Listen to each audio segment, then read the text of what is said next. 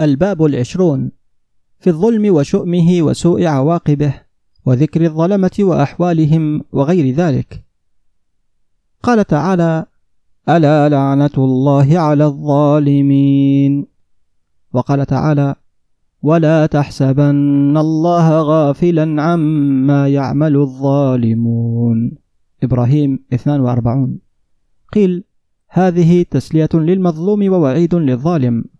وقال تعالى إنا أعتدنا للظالمين نارا أحاط بهم سرادقها الكهف 29 وقال رسول الله صلى الله عليه وسلم من مشى مع ظالم ليعينه وهو يعلم أنه ظالم خرج من الإسلام. وقال أيضا رحم الله عبدا كان لأخيه قبله مظلمة في عرض أو مال فأتاه فتحلله منها قبل أن يأتي يوم القيامة وليس معه دينار ولا درهم. وقال أيضا صلى الله عليه وسلم من اقتطع حق امرئ مسلم أوجب الله له النار وحرم عليه الجنة. فقال له رجل يا رسول الله ولو كان شيئا يسيرا قال ولو كان قضيبا من أراك. وعن حذيفة رضي الله عنه قال قال رسول الله صلى الله عليه وسلم أوحى الله تعالى إلي يا أخ المرسلين يا أخ المنذرين أنذر قومك فلا يدخلوا بيتا من بيوتي ولأحد من عبادي عند أحد منهم مظلمة. فإني ألعنه ما دام قائما يصلي بين يدي حتى يرد تلك الظلامة إلى أهلها فأكون سمعه الذي يسمع به وبصره الذي يبصر به ويكون من أوليائي وأصفيائي ويكون جاري مع النبيين والصديقين والشهداء والصالحين في الجنة. وعن علي رضي الله عنه عن النبي صلى الله عليه وسلم إياك ودعوة المظلوم فإنما يسأل الله تعالى حقه.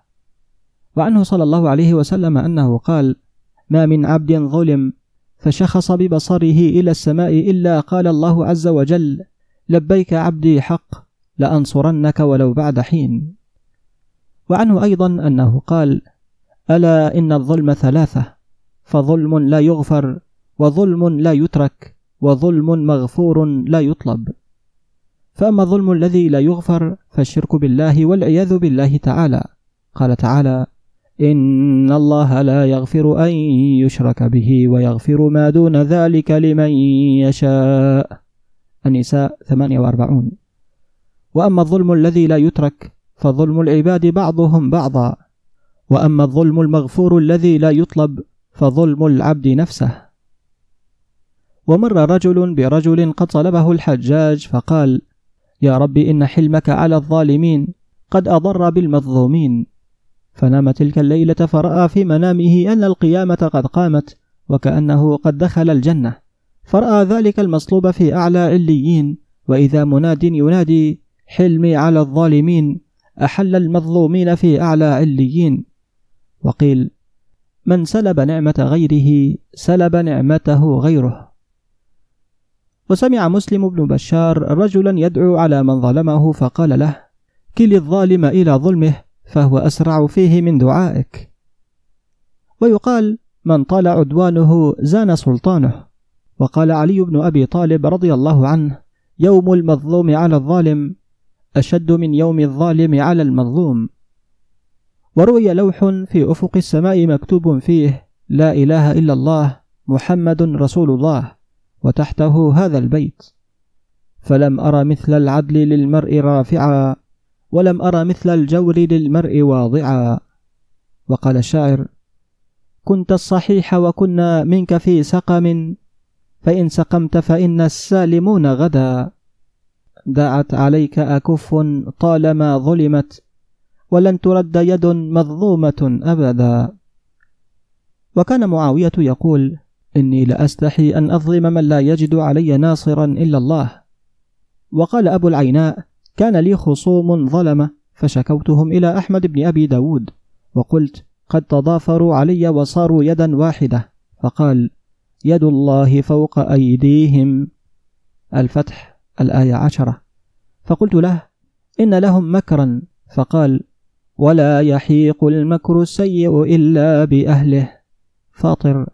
ثلاثة وأربعون. قلت هم فئة كثيرة.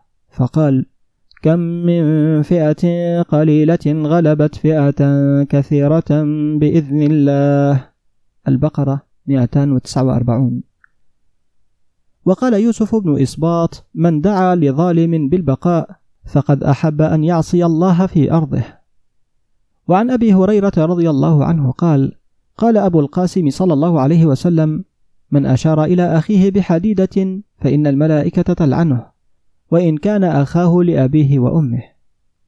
وقال مجاهد يسلط الله على أهل النار الجرب فيحكون أجسادهم حتى تبدو العظام فيقال لهم هل يؤذيكم هذا؟ فيقولون إي والله. فيقال لهم هذا بما كنتم تؤذون المؤمنين. وقال ابن مسعود رضي الله عنه لما كشف الله العذاب عن قوم يوسف عليه السلام ترادوا المظالم بينهم حتى كان الرجل ليقلع الحجر من أساسه فيرده إلى صاحبه. وقال ابن ثور بن يزيد الحجر في البنيان من غير حله عربون على خرابه وقال غيره لو أن الجنة وهي دار البقاء أسست على حجر من الظلم لأوشكت أن تخرب وقال بعض الحكماء اذكر عند الظلم عدل الله فيك وعند القدرة قدرة الله عليك. لا يعجبك رحب الذراعين سفاك الدماء فإن له قاتلا لا يموت. وقال سحنون بن سعيد كان يزيد بن حاتم يقول ما هبت شيئا قط هيبتي من رجل ظلمته وأنا أعلم أن لا ناصر له إلا الله فيقول حسبك الله الله بيني وبينك. وقال بلال بن مسعود اتق الله في من لا ناصر له إلا الله. وبكى علي بن الفضل يوما فقيل له ما يبكيك؟ قال أبكي على من ظلمني إذا وقف غدا بين يدي الله تعالى ولم تكن له حجة. وروي أن النبي صلى الله عليه وسلم قال يقول الله تعالى اشتد غضبي على من ظلم من لا يجد له ناصرا غيري. ونادى رجل سليمان بن عبد الملك وهو على المنبر يا سليمان أذكر يوم الأذان. فنزل سليمان من على المنبر ودعا بالرجل فقال له ما يوم الأذان؟ فقال قال الله تعالى فأذن مؤذن بينهم ان لعنه الله على الظالمين. الأعراف 44 قال فما ظلامتك؟ قال أرض لي بمكان كذا وكذا. أخذها وكيلك. فكتب إلى وكيله ادفع إليه أرضه وأرضا مع أرضه. وروي أن كسرى انوشروان كان له معلم حسن التأديب يعلمه حتى فاق في العلوم فضربه المعلم يوما من غير ذنب فأوجعه فحقد انوشروان عليه. فلما ولي الملك قال للمعلم ما حملك على ضربي يوم كذا وكذا ظلما؟ فقال له لما رأيتك ترغب في العلم رجوت لك الملك بعد أبيك فأحببت أن أذيقك طعم الظلم لئلا تظلم. فقال انوشروان زهن زهن. وقال محمد بن سويد وزير المأمون فلا تأمنن الدهر حرا ظلمته فما ليل حر إن ظلمت بنائمي. وروي أن بعض الملوك رقم على بساطه أي كتب على بساطه لا تظلمن إذا ما كنت مقتدرا. فالظلم مصدره يفضي إلى الندم. تنام عيناك والمظلوم منتبه. يدعو عليك وعين الله لم تنم. وما أحسن ما قال الآخر أتهزأ بالدعاء وتزدريه؟ وما تدري بما صنع الدعاء؟ سهام الليل نافذة ولكن لها أمد وللأمد انقضاء. فيمسكها إذ ما شاء ربي ويرسلها إذا نفذ القضاء. وقال أبو الدرداء إياك ودمعة اليتيم ودعوة المظلوم فإنها تسري بالليل والناس نيام. وقال الهيثم بن فراس السامي من بني سامة بن لؤي في الفضل بن مروان تجبرت يا فضل بن مروان فاعتبر فقبلك كان الفضل والفضل والفضل. ثلاثة أملاك مضوا لسبيلهم أبادهم الموت المشتت والقتل. يريد الفضل بن ربيعة والفضل بن يحيى والفضل بن سهل. ووجدت تحت فراش يحيى بن خالد البرمكي رقعة مكتوب فيها وحق الله إن الظلم لؤم وأن الظلم مرتعه وخيم. إلى ديان يوم الدين نمضي وعند الله تجتمع الخصوم. ووجد القاسم بن عبيد الله المكتفي في مصلاه رقعة مكتوبا فيها بغى وللبغي سهام تنتظر أنفذ في الأحشاء من وخز الإبر سهام أيدي القانتين في السحر. وقال المنصور بن المعتمر لابن هبيرة حين أراد أن يوليه القضاء ما كنت لآلي هذا بعدما حدثني إبراهيم آلي أي أكون واليا. قال وما حدثك إبراهيم؟ قال حدثني عن علقمة عن ابن مسعود قال قال رسول الله صلى الله عليه وسلم إذا كان يوم القيامة نادى مناد أين الظلمة؟ وأعوان الظلمة وأشياع الظلمة حتى من برى لهم قلما أو لاق لهم دواء فيجمعون في تابوت من حديد ثم يرمى بهم في نار جهنم. وروى هارون بن محمد بن عبد الملك الزيات قال جلس أبي للمظالم يوما فلما انقضى المجلس رأى رجلا جالسا فقال له ألك حاجة؟ قال نعم. أدنني إليك فإني مظلوم وقد أعوزني العدل والإنصاف. قال ومن ظلمك؟ قال أنت. ولست أصل إليك فأذكر حاجتي. قال وما يحجبك وقد ترى مجلسي مبذولا. قال يحجبني عنك هيبتك وطول لسانك وفصاحتك. قال ففيما ظلمتك؟ قال في ضيعة الفلانية أخذها وكيلك غصبا مني بغير ثمن فإذا وجب عليها خراج أديته باسمي لئلا يثبت لك اسم في ملكها فيبطل ملكي فوكيلك يأخذ غلتها وأنا أؤدي خراجها وهذا لم يسمع بمثله في المظالم. فقال له محمد هذا قول تحتاج معه إلى بينة وشهود وأشياء. فقال له الرجل أيؤمنني الوزير من غضبه حتى أجيب؟ قال نعم قد أمنتك. قال البينة هم الشهود وإذا شهدوا فليس يحتاج معهم إلى شيء آخر فما معنى قولك بينة وشهود وأشياء؟ وأي شيء هذه الأشياء إن هي إلا الجور وعدولك عن العدل؟ فضحك محمد وقال صدقت والبلاء موكل بالمنطق. وإني لأرى فيك مصطنعا. ثم وقع له مائة دينار يستعين بها على عمارة ضيعته وصيره من أصحابه. فكان قبل أن يتوصل إلى الإنصاف وإعادة ضيعته له يقال له يا فلان كيف الناس؟ فيقول بشر بين مظلوم لا ينصر وظالم لا ينتصر. فلما صار من أصحاب محمد بن عبد الملك ورد عليه ضيعته وأنصفه قيل له ليلة كيف الناس الآن؟ قال بخير. قال قد اعتمدت معهم الإنصاف ورفعت عنهم الإجحاف ورددت عليهم الغصوب وكشفت عنهم الكروب وأنا أرجو لهم ببقائك نيل كل مرغوب والفوز بكل مطلوب.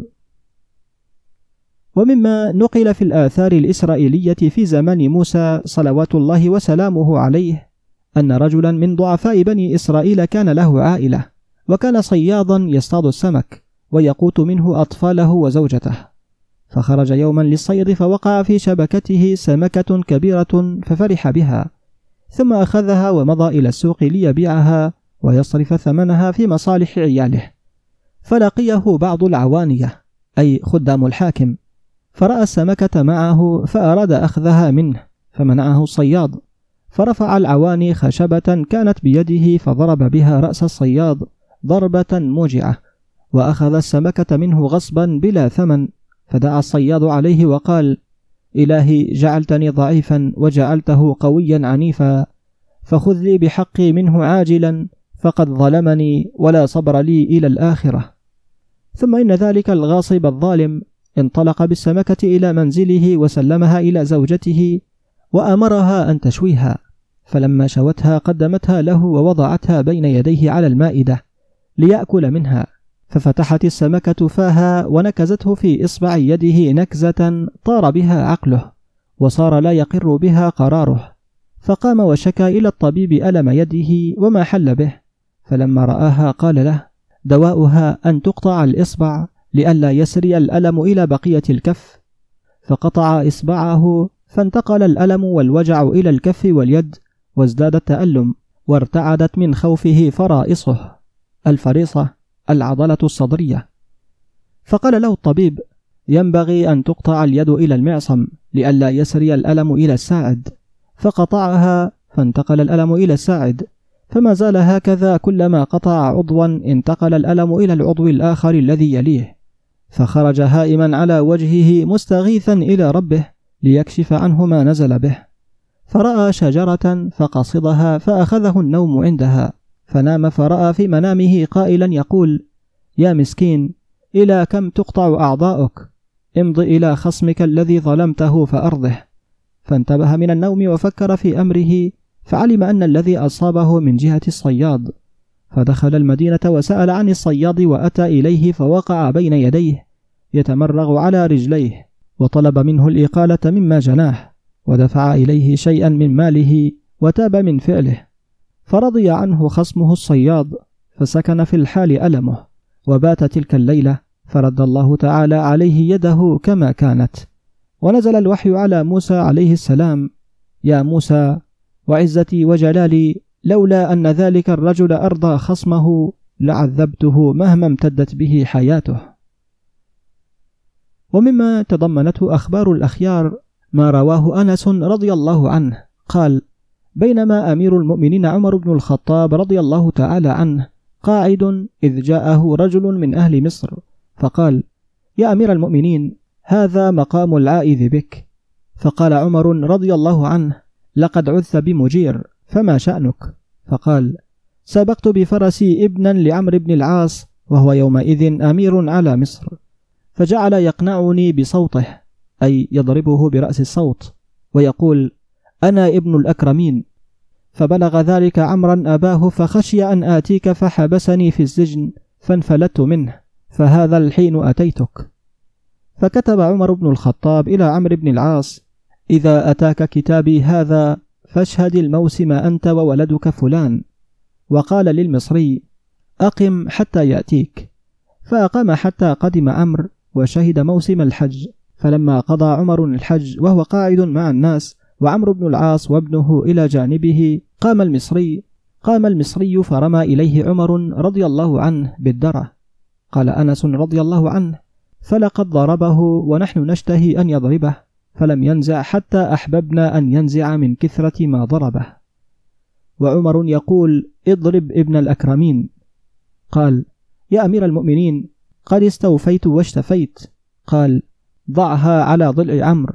فقال يا أمير المؤمنين لقد ضربت الذي ضربني. قال أما والله لو فعلت ما منعك أحد حتى تكون أنت الذي تنزع. ثم أقبل على عمرو بن العاص وقال يا عمرو متى استعبدتم الناس وقد ولدتهم أمهاتهم أحرارا؟ فجعل عمرو يعتذر إليه ويقول إني لم أشعر بهذا.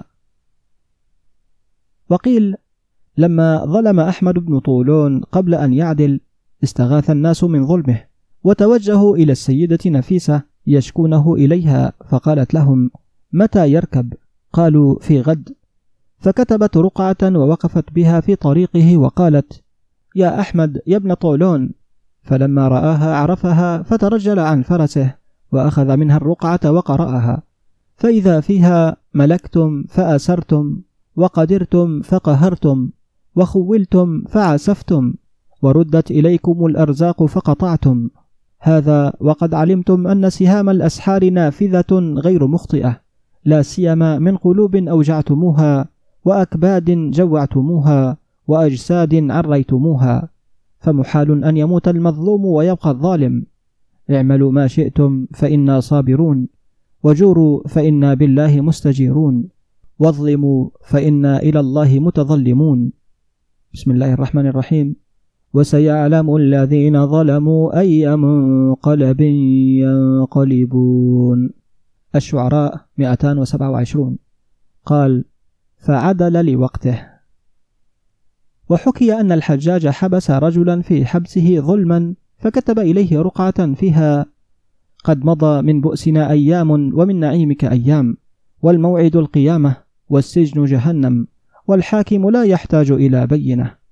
وكتب في آخرها ستعلم يا نؤوم إذا التقينا غدا عند الإله من الظلوم؟ أما والله إن الظلم لؤم وما زال الظلوم هو الملوم. سينقطع التلذذ عن أناس أداموه وينقطع النعيم. إلى ديان يوم الدين نمضي وعند الله تجتمع الخصوم. وحكى أبو محمد الحسين بن محمد الصالحي قال كنا حول سرير المعتضد بالله ذات يوم نصف النهار بعد أن أكل فانتبه منزعجا وقال يا خادم فأسرعنا الجواب فقال ويلكم أعينوني والحقوا بالشط فأول ملاح ترونه منحدرا في سفينة فارغة فاقبضوا عليه وأتوني به ووكلوا بالسفينة من يحفظها. فأسرعنا فوجدنا ملاحا في سفينة منحدرة وهي فارغة فقبضنا عليه ووكلنا بها من يحفظها وصعدنا به إلى المعتضد. فلما رآه الملاح كاد يتلف فصاح عليه المعتضد صيحة عظيمة كادت روحه تذهب منها وقال أصدقني يا ملعون عن قضيتك مع المرأة التي قتلتها اليوم وإلا ضربت عنقك. فتلعثم وقال نعم كنت سحرا في المشرعة الفلانية فنزلت امرأة لم أر مثلها. عليها ثياب فاخرة وحلي كثيرة وجواهر. فطمعت فيها واحتلت عليها حتى سددت فمها وغرقتها. وأخذت جميع ما كان عليها.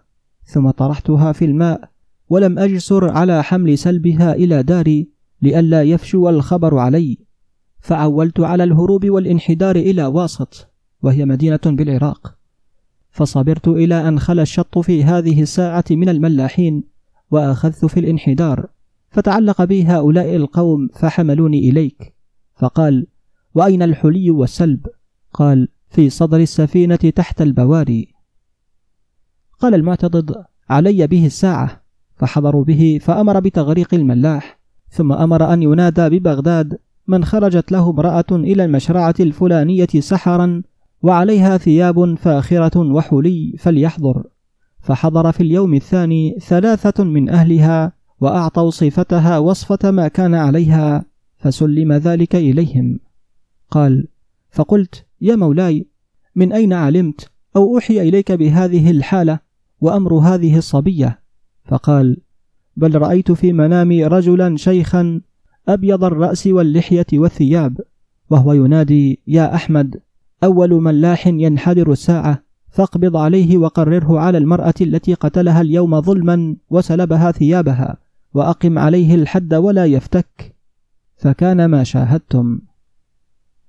فيتعين على كل ولي أمر أن يعدل في الأحكام وأن يتبصر في رعيته وعلى كل غافل أن يكف يده عن الظلم ويسلك سنن العدل ويعامل بالنصفة ويراقب الله في السر والعلانية.